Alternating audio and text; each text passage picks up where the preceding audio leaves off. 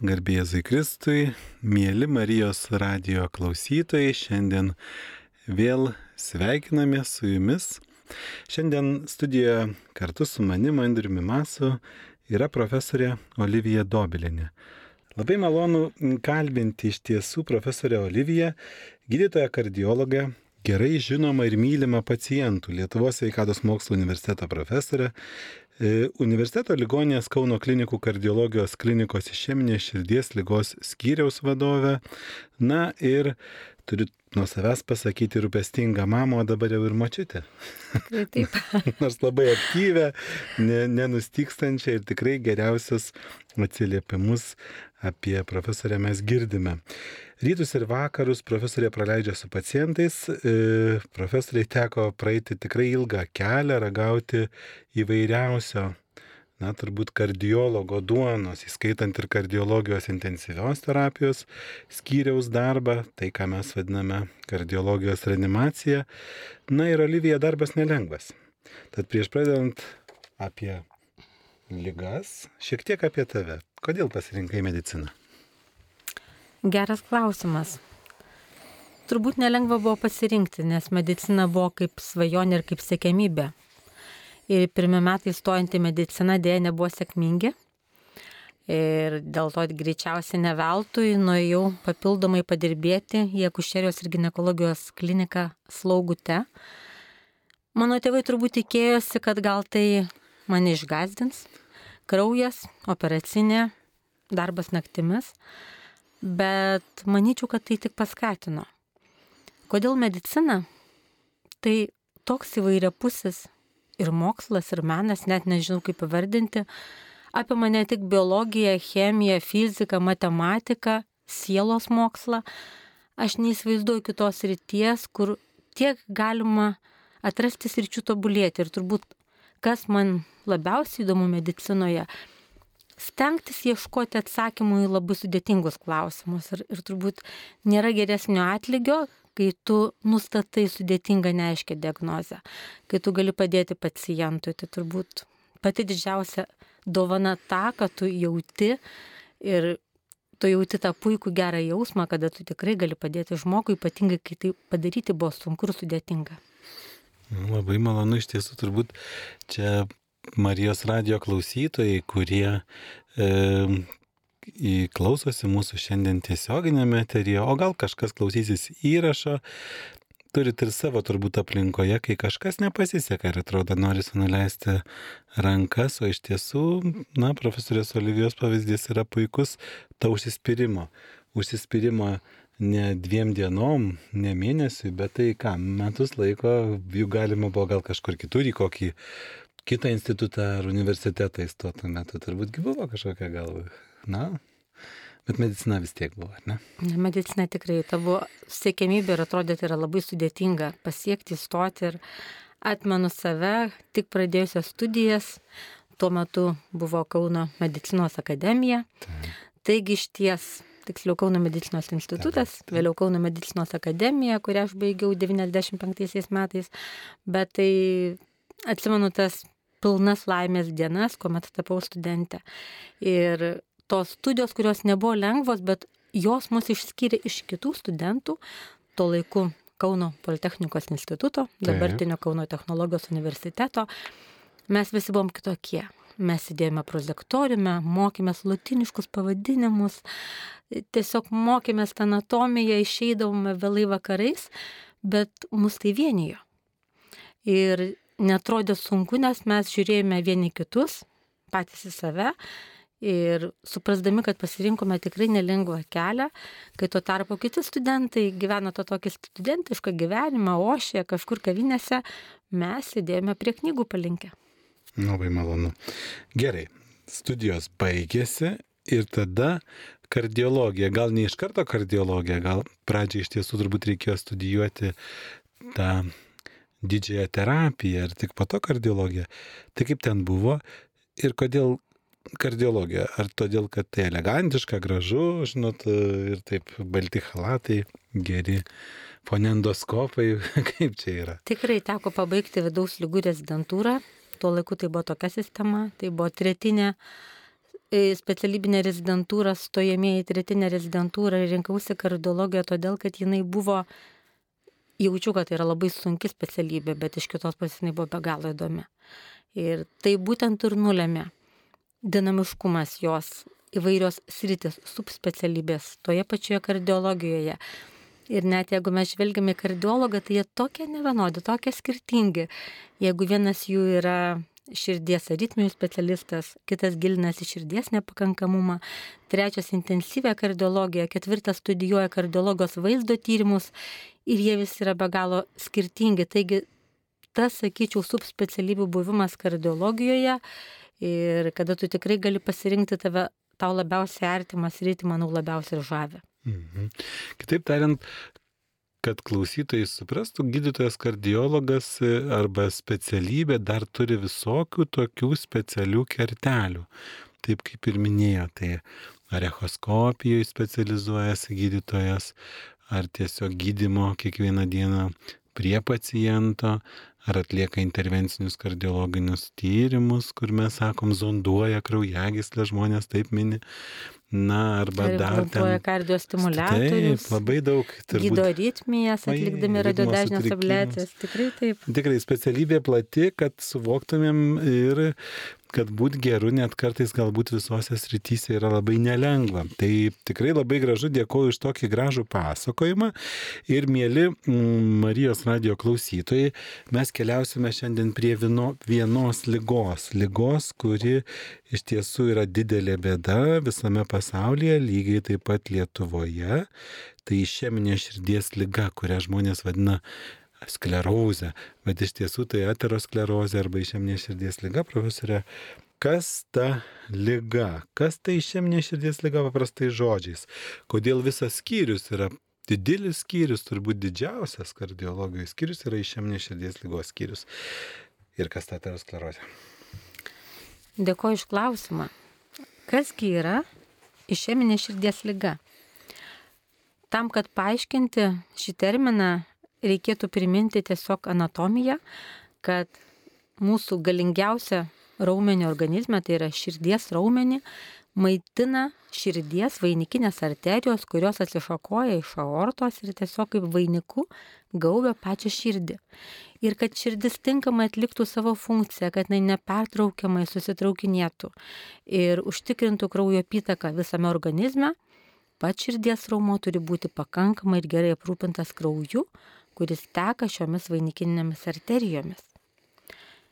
Jeigu kraujagyslės veikia rizikos veiksniai, kuriuos reiktų vardinti kaip vieni svarbiausių - padidėjusi cholesterolio koncentracija kraujyje, rūkimas, padidėjęs arterinis kraujo spaudimas, per didelis cukraus kiekis kraujyje, nejudra.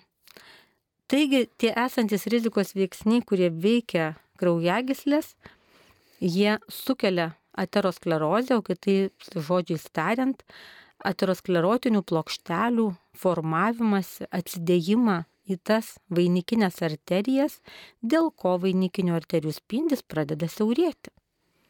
Ir kasgi nutinka?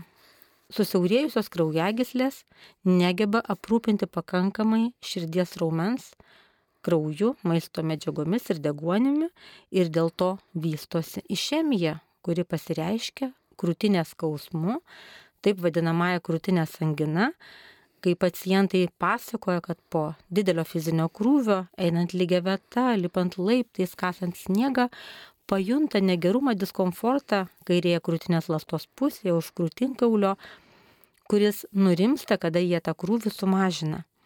Tai yra klasikiniai krūtinės anginos simptomai ir kartais nesunku yra atpažinti vien iš to, kaip žmogus papasakoja, kągi jisai jaučia.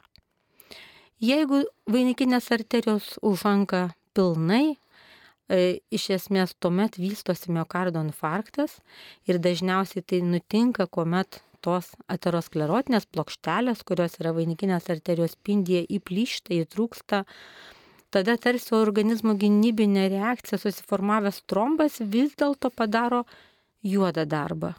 Galutinai uždaro vainikinės arterijos spindį ir jau tada vyksta katastrofa.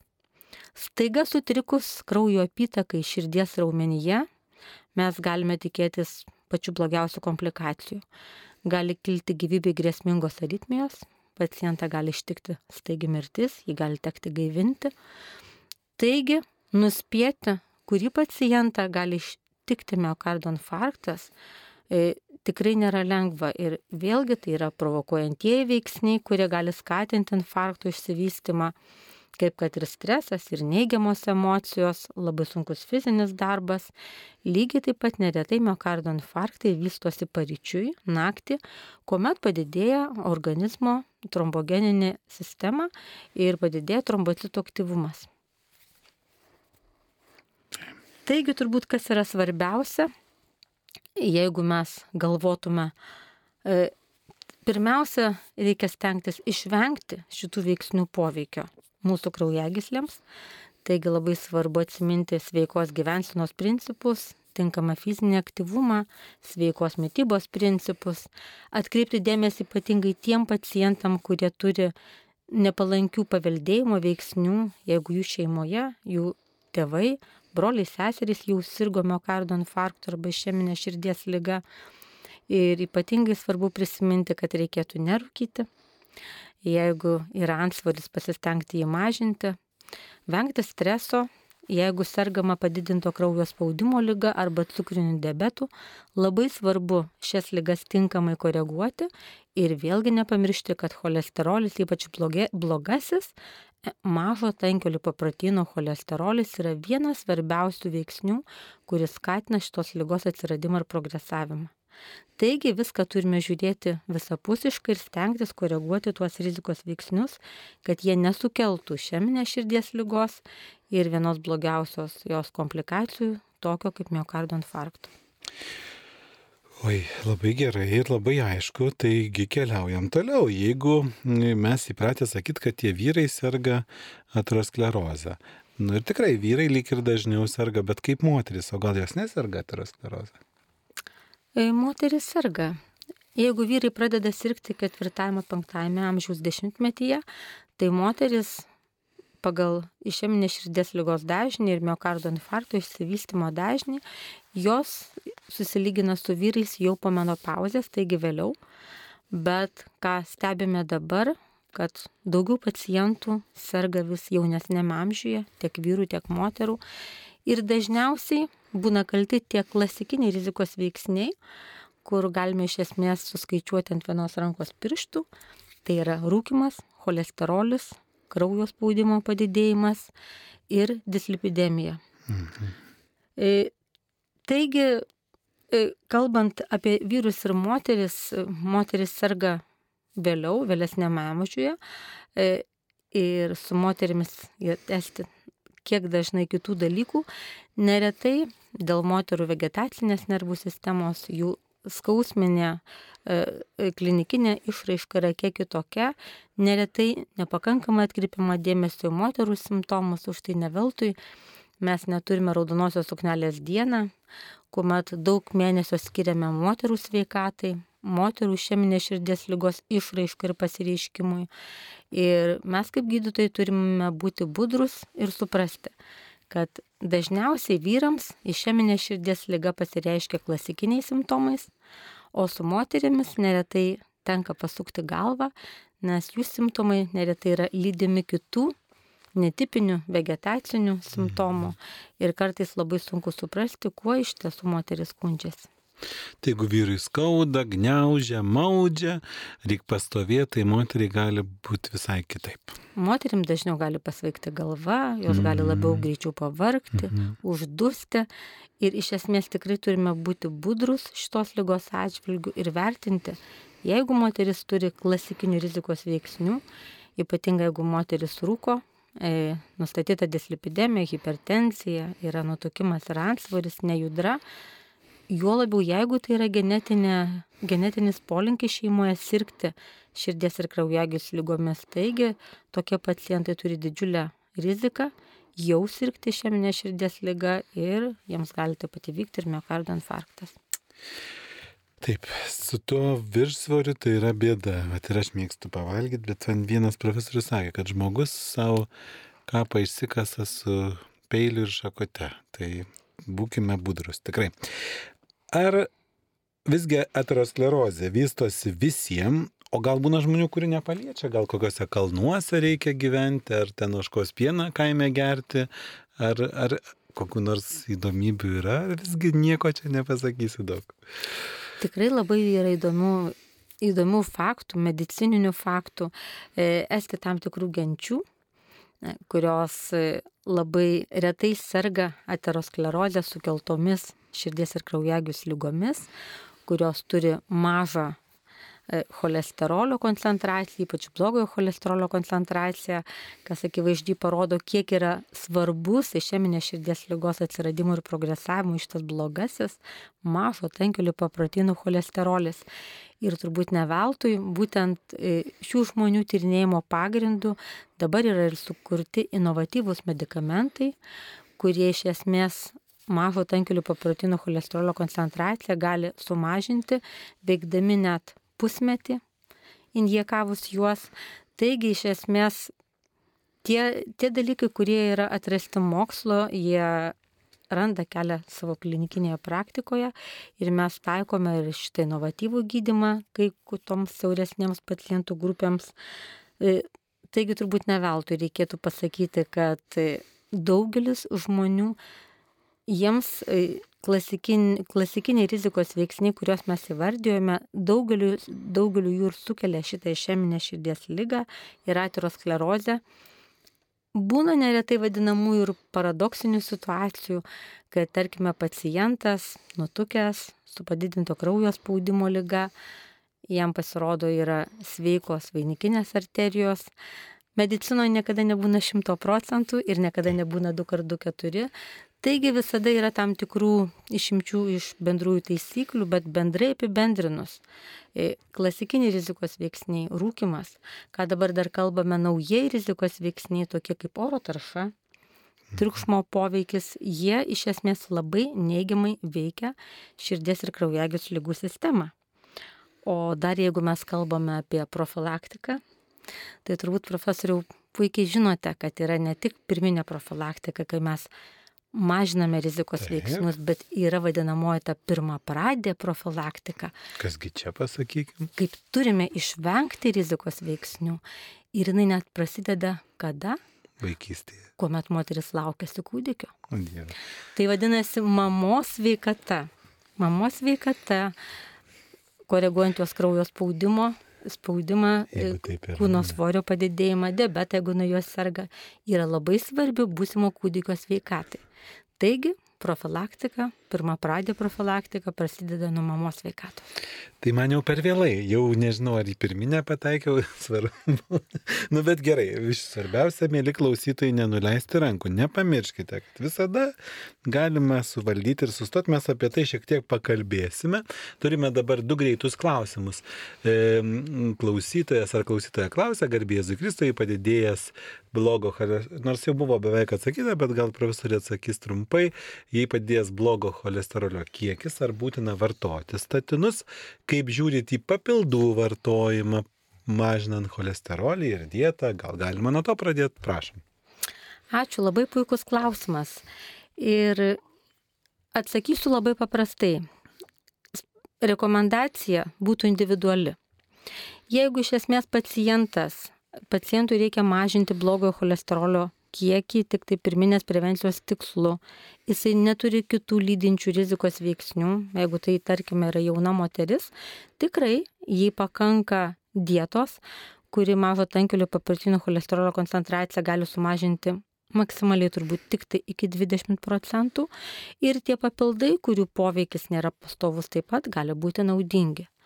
Tačiau jeigu mes matome pacientą, kuris turi daugybinius rizikos veiksnius, kurių vienas cholesterolio padidėjimas, jeigu tas pacientas jau persirgo miocardo infarktu, jeigu yra stentuotas, kuomet mes žinome, kad turime sustabdyti lygos progresavimą ir mes jau nebekalbam apie pirminę prevenciją. Tikrai čia nebelieka vietos papildams, kurių poveikis yra nepastovus ir vien tik dietai.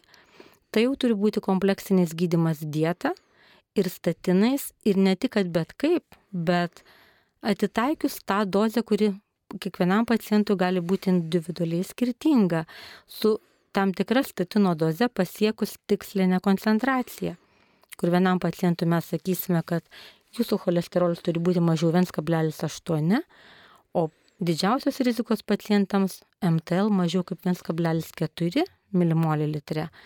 Taigi, tai yra individuali rekomendacija pagal esančio paciento širdies ir kraujagyslių lygų riziką. Puiku.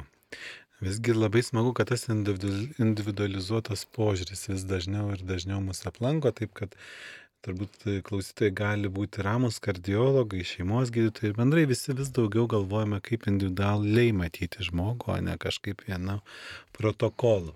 E, kitas klausimas yra turbūt jisai, mes jį trumpai atsakysim, prašau pasakykite, į pulsas 45, kaip padidinti pulsą iki normalaus. Ačiū už atsakymą, aišku, čia nebus lengva atsakyti, nes nežinom nei amžiaus, nei daug dalykų, prašau, kaip čia dabar atsakyti trumpai. Aš sakyčiau labai puikus klausimas, kodėl pacientas ar pacientė galvoja, galvoja, kad pulsas 45 nėra normalu.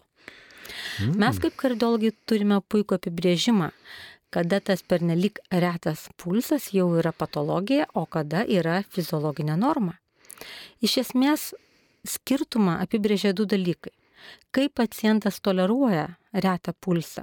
Jeigu paciento savijauta gera, tarkime, mes kalbame galbūt apie sportininką, kurių širdės susitraukimo dažnis gali būti 44-45 kartai per minutę, viskas puiku, tai to paciento gydyti ir nereikia, tai yra fiziologinis retas ritmas, sinusinė bradikardija, kaip medicininių terminų įvardyjame. Tačiau Jeigu paciento pulso dažnis yra kad ir 50 kartų per minutę, bet tai yra vyresnio amžiaus pacientas, jeigu jisai turi, tarkim, dar papildomą širdies ar ir voštuvų lygą, gali būti, kad jam tas 50 kartų per minutę dažnis jau yra pernelik retas ir jam jis neužtinka pakankamai kraujotakos, jam pasireiškia galvos svaigimas, temimas akise, bendras silpnumas ir mes tuomet ir sakome, ne, šitą širdies susitraukimo dažnį jau reikia koreguoti. Yra tam tikri, tam tikri medikamentai, kurie didina širdies susitraukimo dažnį, ypač pacientams, kurie serga padidinto kraujo spaudimo lyga, mes galime pasirinkti tam tikrus medikamentų derinius, o pagaliau, jeigu jau yra indikacija, širdies susitraukimo dažnį koreguoti labiau, tai implantuojame ir elektrokardiostimulatorius. Viskas aišku, tikrai visokių sprendimų yra. Tai labai dėkoju už klausimus ir atsakymus. Dabar sugrįžtame prie miocardo infarkto. Nors jau mes ir kalbėjom, kad užsidaro kraujagyslė ar atplyšta plokštelė, širdies raumuo negauna kraujo. Ir vad kaip tas infarktas, ar čia žmonės sako, plyšim, plyšo širdis, ar neplyšo. Tai vad, e, gal labai trumpai, kas tas infarktas jau kai užsidaro ta kraujagyslė ir kas tas plyšimas, ar čia maišomės tuos terminus ar ne. Tai prašau. Sunkus klausimas, kadangi atsakymas yra ir taip ir ne. Pirmiausia, reikėtų pasakyti, širdis neplyšta taip tiesiogiai iš karto, bet užsidarius Sutrikus e, kraujotakai vainikinėje arterijoje dalis širdies raumens negauna kraujo kokia dalis širdies raumens bus pažeista priklauso nuo to, kuri kraujagyslė užsidarė. Kokią, kokį baseiną maitina ta vadinamoji vainikinė arterija. Ar didelę širdies raumens dalį, ar nelabai didelę. Kokios yra šalia esančios kitos kraujagyslės, jos sveikos ar jau taip pat pažeistos, nuo to priklauso, koks bus miocardo infarkto dydis. O iš kitos pusės, kaip greitai mums pavyks atidaryti uždarytąją vainikinę arteriją. Ar tas pacientas atvyks iki mūsų per vadinamasias pirmasias šešias valandas, kurios turi aukso vertę, ar pacientas prabus skausmuose namuose keletą dienų ir mes jau būsime bejėgiai jam padėti. Infarktas tuomet bus didžiulis ir širdies raumo jau bus negryžtamai žuvęs ir pažeistas. Taigi, iš esmės, miocardo infarktas tai yra žuvęs širdies raumuo, jeigu mes greitai atidarome uždarytąją vainikinę arteriją, tai galima padaryti dviem būdais - atliekant vadinamąją vainikinių arterijų angiografiją arba kaip liaudėje sakoma zondavimą ir paskui balionėliu plečiant kraujagyslę, įstetant specialų skėtiklį į tą kraujagyslę vadinamą įstentą, Arba yra ir tam tikri medikamentiniai būdai, kuomet galima lašinti vaistus į kraujagyslę ir tridyti trombą esantį toje vainikinėje arterijoje. Taigi, kaip galimai greičiau atidarius vainikinę arteriją, vėl mes sugražiname kraujotaką į širdies raumenį ir tuomet infarkto dydis esti mažesnis.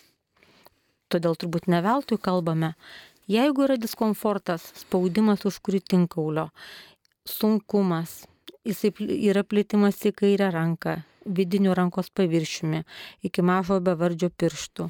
Jeigu pacientas išbalęs, įpila šaltas prakaitas, kartais gali būti mirties baimė, nereikia dėlsti ilgiau kaip 20-30 minučių, reikia kviesti greitą medicinos pagalbą, nes jinai atvykus, registruodama elektrokardiogramą, gali gana greitai patvirtinti arba paneigti miocardo infarkto diagnozę. Labai dėkoju, tikrai aiškios e, rekomendacijos ir tie didvyriški palaukimai iki ryt ryto yra e, tokiais va širdies ploto arba krūtinės skausmo atvejais tikrai ne vietoj.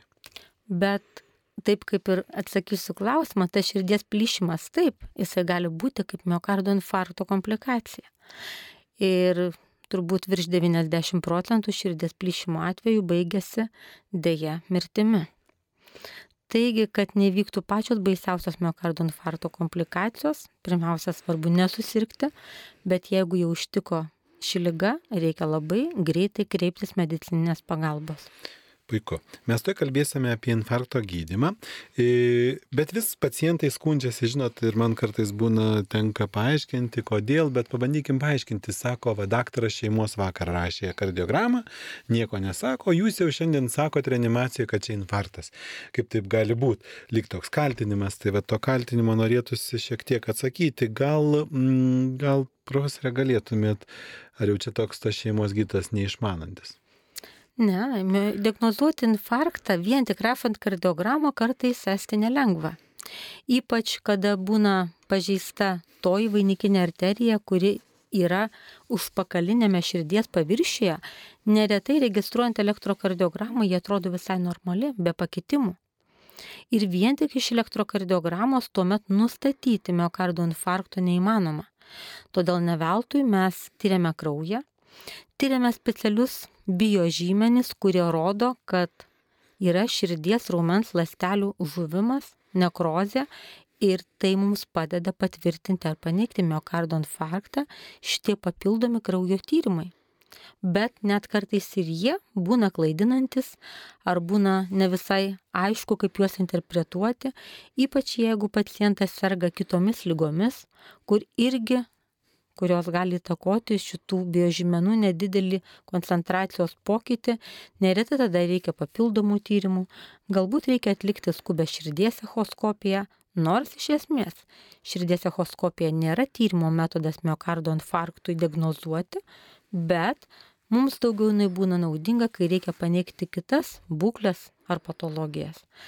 Taigi, svarbiausia, kas yra, tai yra tinkamas medicininis klinikinis ištyrimas, elektrokardiogramos registracija, jos kartojimas, jeigu reikia kraujo tyrimo atlikimas, troponino vertį įvertinti. Troponinas tai yra tas biožymo, kuris rodo širdies raumens ląstelių mirtį, kiti papildomi tyrimai ir neretai tikrai tik tai kompleksinis vertinimas padeda nustatyti teisingą diagnozę. Labai ačiū. Puikiai viskas dedasi į bendrą tokį vaizdą. Tuo metu, kol ta kraujagyslė neužsidarius, ar ne, ir jeigu tau rašo kardiogramą, gal jau simptomai yra tos krūtinės anginos, apie ką profesorė kalbėjo. Bet vakar dar nebuvo tos atplyšusios plokštelės, po to jinai atplyšta, įvyksta infarktas ir tikrai tu turi suvokti, kad vakar dar to nebuvo. E, profesorė, kaip gydome infarktą? Ir, nu, tai jau ir mes kalbėjom, bet gal dar sudėtumėm akcentus. Atvyko žmogus laiku Na ir kas tada nutinka, jau ligoniai, kokie darbai vyksta. Tai kaip minėjau, greičiausiai, jeigu tas pacientas patenka į tą gydymo įstaigą, kur yra intervencinės kardiologijos galimybė, tai jam atliekama skubi vainikinio arterioangiografija. Jeigu pacientas patenka į rajono ligoninę, kur tokios galimybės nėra, kaip minėjau, galima svarstyti kitą miocardo infarkto gydimo būdą, kada yra lašinami specialūs medikamentai, kurie tirpdo trombus vainikinėse arterijose ir pacientą toliau jau pervežti į tą centrą, kur yra intervencinės kardiologijos operacinė. Taip. Lietuvoje tokių centrų, kurie dirba 24 valandas per parą ir 7 dienas per savaitę mes turime 5 visose didžiuosiuose miestuose, tai yra Kaune, Vilniuje, Klaipėdoje, Šiauliuose, Panevežyje. Ir jeigu pažiūrėsime į Lietuvo žemėlapį, taigi tikrai daugelį mūsų rajonų gyventi iš ties yra saugu, nes atvykti į bet kurį artimiausią centrą galime, galima per porą valandų ir galima užtikrinti tai, kad būtų atverta, uždaryta vainikinė arterija pačiu inovatyviausiu ir efektyviausiu būdu, tai yra atliekant vainikinės arterijos angioplastiką ir įstatant stentą. Bet kad šita procedūra būtų efektyvi, svarbiausias dalykas laiku kreiptis. Jeigu pacientas prabuvo namuose parą ar dvi, dėje, net ir atidarius vainikinę arteriją mes jau nebesitikime gero poveikio ir efekto, todėl kad širdies raumuo jau būna negryžtamai žuvęs. Ir iš esmės mūsų šitą procedūrą paciento širdies raumeniui sugražinti gyvybės jau nebepadeda. Labai aišku, vėlgi keliaujame prie to, kad dabar gydosi ligonis, greičiausiai viskas pavyks. Ir vėl sugrįšime prie profilaktikos. Išleido mane namo, galbūt nuvažiavau į reabilitaciją. Ir kaip toliau, ką daryti, kaip apsisaugoti, o gal jau nieko neverta daryti, nes jau sergu, tai čia jau tos prognozijos mano prastos, vad mėgstu daug pavalgyti, jeigu jau tos kalkės yra, tai ar čia beverta kažką daryti. Na, pabandykim padrasinti. Tikrai taip, tikrai taip. Tik pirmiausia, norėčiau nuraminti mūsų pacientus, kad jie neišsigastų, kad atrodo iki to nevartojęs medikamentų, jisai grįžta namo su visų krepšelių vaistų. Kodėlgi taip yra? Implantavus stentą mes skiriame net du vaistus, kurie skystina kraują. Ir tai dažniausiai skiriame iki pusės metų ar net metų laiko laikotarpiui, o jau po to visam gyvenimui pacientui po miocardo infarkto lieka gydimui aspirinas mažąją dozę. Toliau skiriame tam tikrus vaistus, kurie reitina pulso dažnį ir apsaugo nuo gyvybei grėsmingų širdies ritmo sutrikimo atsiradimo. Toliau skiriame dar vieną vaistų grupę. Pacientai neretai galvoja, kad tai yra tik vaistai nuo kraujospūdžio, tačiau tikrai ne. Ta vaistų grupė yra reikalinga tuo tikslu, kad stabdytų širdies raumens plėtimasi ir apsaugotų nuo širdies nepakankamumo išsivystimo. Toliau dar viena, turbūt jau čia penktoji vaistų grupė, kuri yra būtina pacientui po miocardo infarkto, tai yra tie vaistai, kurie mažina cholesterolio koncentraciją kraujyje ir būtent jie stabdo aterosklerotinės širdies ir kraujagės lygos progresavimą. Taigi tikrai pacientas turi labai aiškiai suvokti, kad tikimybė įvykti kartotiniam miocardo infarktui yra pati didžiausia pirmuosius metus po persirgto miocardo infarkto. Turbūt ne veltui mes skaičiuojame ir tas mirtis po miocardo infarkto, e, visgi nemažėjančias, nepaisant to, kad tikrai turime daug inovatyvių vaistų ir inovatyvių priemonių bei stentų. Taigi tie visi vaistai reikalingi tam, kad veiktų į kiekvieną galimą komplikacijos grandį ir pacientas neturi išsigasti didelio vaistų kiekio. Po metų teisingai. Greičiausiai pacientų liks vienas aspirinas mažąją dozę, liks vaistas nuo cholesterolio, ar tai statinas, ar ir kartu derinyje su vienu vaistu, kuris mažina cholesterolio patekimą iš žarnyno į kraują, stabdo vadinamąją cholesterolio absorpciją iš žarnyno į kraują. Kaip minėjau, taip pat yra tokie nauji inovatyvūs vaistai, kurie yra injekuojami į pilvą, į pilvo paudį, kur pasižymi ilgalaikių poveikių, galbūt šitam pacientui bus skirtas gydimas ir šitais inovatyviais vaistais. Taigi iš esmės po metų laiko greičiausiai mes pacientų vaistų paliksime mažiau, bet jis turi labai aiškiai suprasti, kodėl jie yra reikalingi ir kodėl jisai juos privalo vartoti, jeigu nori išvengti atokių komplikacijų persirgus miocardo infarktu. Reiškia, nuleist rankų nereikia, tikrai žinom ne vieną pacientą, kur po jaunystėje įvykusio infarkto koreguodami rizikos veiksnius, sportuodami, tinkamai sportuodami, su protu, pacientai 25 metus gyvena be simptomų ir va, atvyksta pasitikrinti ir ne vieną savo netartimą žmogų. Žinau, todėl rankų nenuleisti, veikti ir uh, Olivija, prašau. Ir dar norėjau pasakyti, tikrai turime labai gražių pavyzdžių, kadangi aš atstovauju ir e, Kauno e, gydytojų teniso bendruomenę, tiksliau Lietuvos gydytojų teniso bendruomenę, kur mūsų labai įvairaus amžiaus medikai žaidžia tenisą.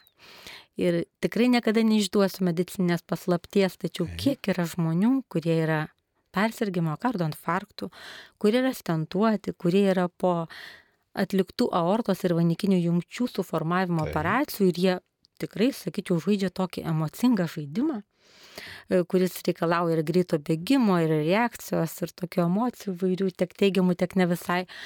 Taigi, kaip matote, gyvenimas po miocardo infarkto nesibaigia. Ir jeigu mūsų pacientas naudoja jam reikalingą gydimą, jeigu laikosi mūsų rekomendacijų, jis tikrai gyvena absoliučiai pilnavertį gyvenimą. Taigi aikštynai neužsidaro, jeigu viskas Tikrai, tinkamai neužsidaro. Tik tai turi išlaukti tam tikrą laikotarpį ir tikrai po miocardo infarkto turi vykti reabilitaciniam gydimui. Ir po reabilitacijos iš esmės tikrai jau čia reikalinga gydytojo ir kardiologo rekomendacija. Jeigu iš esmės yra išspręstos tos vainikinio arterijų susiaurėjimo problemos, tikrai žmonės gali gyventi jų įprastinį, normalų jų gyvenimą. Nuostabu. E, žodžiu, po infarkto reikia laiką paskirti savo, sveikti, gydytis, neskubėti kur nors keliauti ar bėgti prie darbų, o vėliau viskas gali sugrįžti, bet reikia veikti. Lieka vos kelios minutės, turėsime linkėti e, klausytojams, na, prašysim profesorės palinkėjimą, bet turim vieną klausimą, kurį operatyviai pabandysim atsakyti, kaip čia tas dietas rasti, gal kažkokiu yra padarimų, gal ir nėra, tai prašau. Dieta, o labai daug yra įvairių klinikinių tyrimų, mokslinių tyrimų atlikta, kur nagrinėja dietų poveikį. Ir tai nėra lengva ištirti įvairių dietų poveikį skirtingose populiacinėse gyventojų grupėse, tačiau iš esmės turbūt dar niekas nenurungė vidurišėme jūros dietos. Aha. Kur turime atsiminti, kad mytybos pagrindą sudaro daržovės, vaisiai, mažiname mėsos vartojimą, paliekam tik liesą mėsą, vartojame daug polinesočiųjų rūkščių omega 3 turinčių produktų, vartojame daug žuvies, vartojame grūdinės kultūras, mažiname ypatingai tuos perdirbtus rafinuotus angliavandenius. Tai Taigi vidurišėme jūros dietą dar turbūt nieko kito pasaulis neišrado, kaip labiau naudingo širdies ir kraujagyslių sveikatai. Na, nu, ir patarimas, kažkas paprasta. Gerai, tai liko minutė, ką palinkėtumėm klausytojams, profesorė? Mylėti gyvenimą ir savo širdį. Ačiū labai. Labai dėkojom profesoriai Olivijai Dobiliniai už šios dienos apsilankymą Marijos radijos studijoje. Dėkojom klausytojams už tai, kad mus klausėte, už tai, kad uždavėt klausimus, kad domitės savo sveikatą ir galvojate, ką daryti toliau. Tai jums visokiojo pasiekmės, geros sveikatos ir iki pasimatymo kitoje laidoje. Būkite sveiki. 是的呀